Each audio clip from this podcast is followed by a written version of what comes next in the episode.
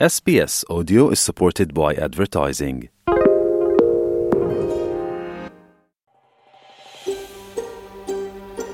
លោកអ្នកនៅជាមួយ SPS ខ្មែរស្វែងរកដឹងដៅអស្ចារ្យជាច្រើនទៀតនៅលើ SPS.com.au/ ខ្មែរ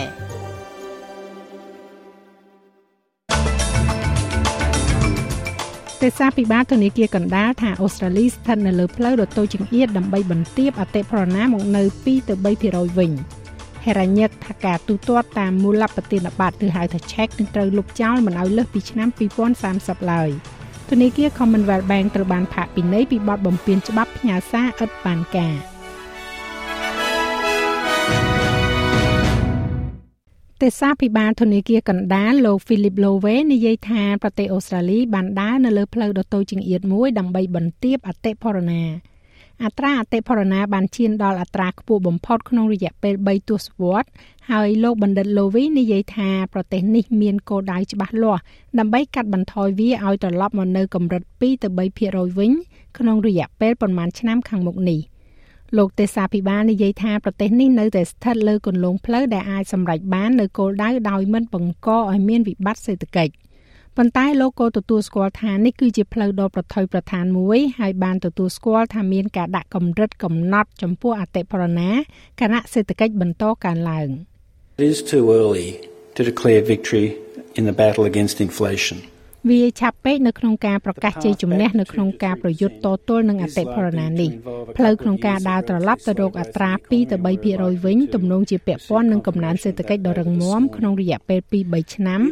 យើងទំនងជាឃើញការបញ្ជាក់អំពីចំណុចនោះនៅព្រឹកនេះការិយាល័យស្ថិតិបានបង្ហាញថាសេដ្ឋកិច្ចអូស្ត្រាលីបានកើនឡើង0.2%នៅក្នុងត្រីមាសខែមីនានេះបន្ទាប់ពីការកើនឡើង0.6%ក្នុងរយៈពេល3ខែដល់ខែធ្នូ។ ផ្អែកលើមូលដ្ឋានប្រចាំឆ្នាំផលិតផលក្នុងស្រុកសរុបបានកើនឡើង2.3%ទាបជាងបន្តិចបើធៀបនឹងការកើនឡើង0.3%ប្រចាំត្រីមាសដែលទីផ្សាររំពឹងទុកផលិតផលក្នុងស្រុកសរុបគឺជាវិធីចម្បងដែលសកម្មភាពនៅក្នុងសេដ្ឋកិច្ចត្រូវបានវាស់វែងដោយមានកត្តាមួយចំនួនរួមទាំងការចំណាយរបស់អតិថិជនដែលទាំងអស់នេះត្រូវបានបញ្ចូលទៅក្នុងតួលេខកំណើនប្រចាំត្រីមាស។ លោក Heranyck Jim Chambers បានប្រកាសថាការប្រើប្រាស់ការទូទាត់មូលបទានបត្រឬក៏ហៅថា check នឹងត្រូវលុបចោលមិនឲ្យលើសពីឆ្នាំ2030ឡើយការសម្រេចចិត្តបញ្ចប់ការទូទាត់តាមក្រដាសសាយនេះគឺជាផ្នែកមួយនៃផែនការរបស់រដ្ឋាភិបាលសហព័ន្ធដើម្បីធ្វើទំនើបកម្មប្រព័ន្ធទូទាត់របស់ប្រទេសនៅក្រៅផែនការទំនើបកម្មសាច់ប្រាក់នៅតែមានសវត្ថភាពប៉ុន្តែមធ្យោបាយនៃការទូទាត់ដែលត្រូវបង់ថ្លៃចំណាយ ដូចជាមូលបទានប័ត្រនឹងលែងជាជំរើសនៅក្នុងការទូទាត់ទៀតហើយលោក Chambers មានប្រសាសន៍ថាបទបញ្ញត្តិរបស់ប្រទេសអូស្ត្រាលីបានបរាជ័យនៅក្នុងការរក្សាល្បឿនទៅតាមនិន្នាការហិរញ្ញវត្ថុ Now this transaction will be gradual ប្រតិបត្តិការនេះជាបណ្ដាបណ្ដានឹងមានលក្ខណៈសម្របសម្រួលរួមបញ្ចូលនិងគោរពការពិគ្រោះយោបល់ជាសាធារណៈជាមួយសហគមន៍ទាំងមូលនឹងធ្វើឡើងមុនដំណាច់ឆ្នាំនេះរួមទាំងជាមួយរដ្ឋនិងដែនដីហើយយើងនឹងធ្វើការជាមួយអ្នកដើម្បីធ្វើឲ្យប្រកាសថាជនជាតិអូស្ត្រាលីគ្រប់រូបទទួលបាននូវជំនួយដែលពួកគេត្រូវការដើម្បីធ្វើការផ្លាស់ប្ដូរដ៏សំខាន់នេះចំពោះទម្រង់នៃការបង់ប្រាក់ផ្សេងទៀតក្នុងពេលវេលាដ៏ល្អ។ ក្នុងពេលជាមួយគ្នានេះរដ្ឋមន្ត្រីក្រសួងហិរញ្ញវត្ថុលោកស្រី Kathy Gallagher មានប្រសាសន៍ថាលោកស្រីជឿជាក់ថាសេវាសាធារណៈអាចបន្ធូរបន្ថយការពឹងផ្អែករបស់ខ្លួនទៅលើអ្នកផ្ដល់ប្រឹក្សាបន្ទាប់ពីរឿងអាស្រូវនៃការផ្ដល់ដំបូន្មានពន្ធរបស់ PwC វាកើតឡើងនៅពេលដែលក្រុមហ៊ុនប្រឹក្សាយោបល់និងនយោបាយកថានរដ្ឋាភិបាលសហព័ន្ធមួយចំនួនត្រូវបានកំណត់ឲ្យដំណើរការលើការអនុវត្តសុចរិតភាពដោយគណៈកម្មាធិការព្រឹទ្ធសភានៅព្រឹកថ្ងៃនេះការស៊ើបអង្កេតនេះត្រូវបានបង្កឡើងបន្ទាប់ពីការរកឃើញការរំលោភលើការសម្ងាត់រដ្ឋនាគារដែលអាចកើតមានដោយអតីតដៃគូ PwC គឺលោក Peter Collins ដែលត្រូវបានបញ្ជូនទៅប៉ូលីសសហព័ន្ធដើម្បីស៊ើបអង្កេតការចោទប្រកាន់នេះ។ សមាជិកព្រឹទ្ធសភាលោកស្រី Gallagher បានប្រាប់ ABC ថាការផ្លាស់ប្ដូរត្រឡប់ទៅរកការពឹងផ្អែកលើសេវាសាធារណៈនឹងជួយសន្សំប្រាក់និងនាំទៅរកលទ្ធផលល្អប្រសើរ។ From opposition we saw a, a shift towards ពីការប្រឆាំងយើងបានឃើញការផ្លាស់ប្ដូរឆ្ពោះទៅរកប្រភពខាងក្រៅជាពិសេសការងារសេវាសាធារណៈទៅក្នុងវិស័យឯកជន និងការផ្ដល់ការទទួលខុសត្រូវពីខាងក្រៅ ជាក់ស្ដែងបញ្ហាជាមួយ PwC បានគូបញ្ជាក់ថា នៅចំណុចចុងក្រោយបំផុតប៉ុន្តែយើងមានច្រើនទៀតដើម្បីធ្វើឲ្យមានតុល្យភាពឡើងវិញនៅសេវាសាធារណៈដើម្បីធ្វើឲ្យប្រកាសថាវាមាននៅទីនោះក្នុងនាមជាស្ថាប័នសំខាន់ដែលតែងតែមានគោលបំណងធ្វើការងារដើម្បីផលប្រយោជន៍របស់ប្រជាជនអូស្ត្រាលី រដ្ឋមន្ត្រីទទួលបន្ទុកជនជាតិដើមអូស្ត្រាលីលោកស្រី Linda Burney បានប្រកាសគាំទ្ររដ្ឋាភិបាលសហព័ន្ធសម្រាប់កម្មវិធីវិនិយោគឡើងវិញលើវិស័យយុតិធធម៌កម្មវិធីនេះគឺជាផ្នែកមួយនៃកញ្ចប់ថវិកាយុតិធធសម្រាប់ជនជាតិដើមដំបូងចំនួន81លាន5សែនដុល្លារអាមេរិកដែលមានគោលបំណងរចនានិងអភិវឌ្ឍយុទ្ធសាស្ត្រវិនិយោគឡើងវិញនៅយុតិធធដំណាក់កាលដំបូង វាពាក់ព័ន្ធទៅនឹងវិធីសាស្ត្រដែលដឹកនាំដោយសហគមន៍និងយុទ្ធសាស្ត្ររួមក្នុងការរក្សាបុគ្គលដែលមានហានិភ័យចេញពីប្រព័ន្ធយុតិធធព្រមត្តនសហគមន៍ Catherine ក៏ដូចជា Darwin, Groots Island និង Lacha Manu នៅដែនដីភាគខាងជើងស្ថិតក្នុងចំណោមសហគមន៍ចំនួន15នៅទូទាំងប្រទេសដែលនឹងទទួលបានចំណែកនៃថវិកា69លានដុល្លារក្នុងការផ្តល់មូលនិធិសម្រាប់យុទ្ធសាស្ត្រសហគមន៍ផ្ទាល់ខ្លួនរបស់ពួកគេ ជំនួយការរដ្ឋមន្ត្រីសម្រាប់ជនជាតិដើមភាគតិចលោកស្រី Maladiri McCarthy បានប្រាប់ ABC ថាមានលទ្ធផលចម្រុះពីកម្មវិធីនេះ this will always be an area that we've got to នេះនឹងតែងតែជាតំបន់មួយដែលយើងត្រូវមើលខ្ញុំគិតថាអ្វីដែលយើងបានសម្រេចចិត្តនោះគឺថាពីឧទាហរណ៍ដែលយើងបានឃើញដែលល្អសម្រាប់ការរៀនសូត្រនៅ New South Wales យើងកំពុងផ្ដល់ជូនឱកាសសម្រាប់រដ្ឋនិងដែនដីផ្សេងទៀតដើម្បីចូលទៅកាន់ឬក៏ទៅមើលឱកាសនោះ ធនាគារ Commonwealth Bank ត្រូវបានពិន័យជាទឹកប្រាក់ចំនួន3លាន550,000ដុល្លារដោយអាជ្ញាធរគមនាគមន៍និងប្រព័ន្ធផ្សព្វផ្សាយអូស្ត្រាលី ពីបទបំពានច្បាប់ផ្ញើសារឥតបានការ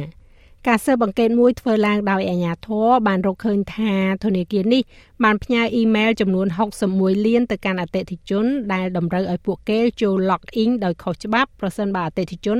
ចង់ឈប់ជាឬក៏ unsubscribe ពីការទទួលសារនោះ។ អ៊ីមែលចំនួន4លានផ្សេងទៀតត្រូវបានផ្ញើដោយគ្មានជំរើសសម្រាប់ unsubscribe ខណៈដែល5000សារត្រូវបានផ្ញើទៅកាន់មនុស្សដែលបានស្នើសុំឲ្យឈប់ជាឬក៏ unsubscribe រួចរាល់ហើយ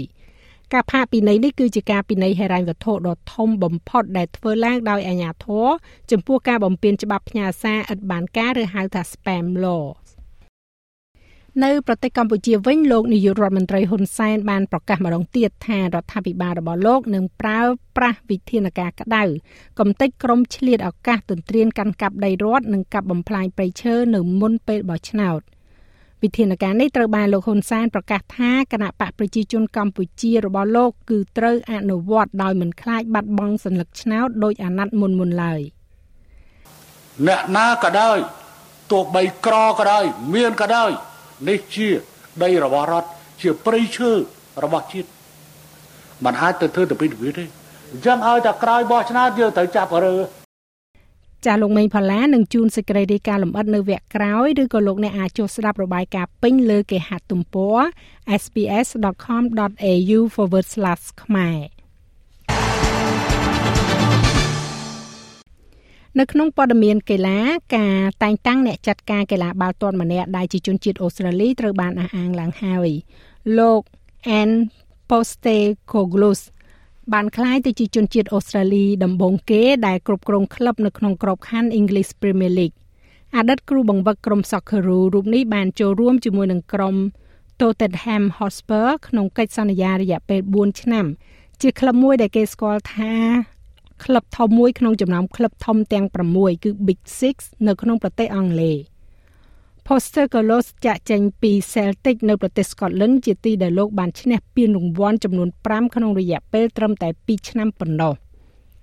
ចំណែកឯអត្រាប្តូរប្រាក់វិញ1ដុល្លារអូស្ត្រាលីមានតម្លៃប្រមាណជា66សេន7ដុល្លារអាមេរិកត្រូវនឹង2750រៀលប្រាក់រៀលខ្មែរ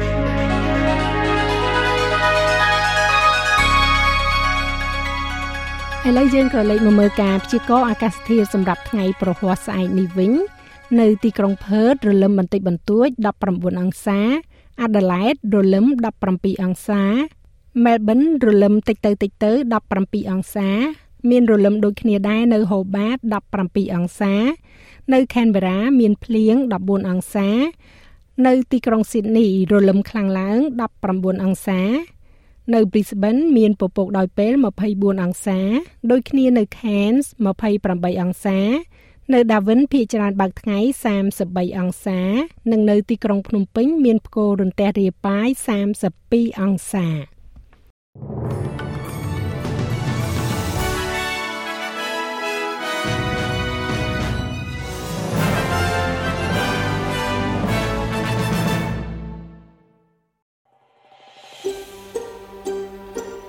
ចង់ស្ដាប់រឿងក្រៅបែបនេះបន្ថែមទៀតទេ ស្ដាប់នៅលើ Apple Podcast Google Podcast Spotify ឬកម្មវិធីដទៃទៀតដែលលោកអ្នកមាន។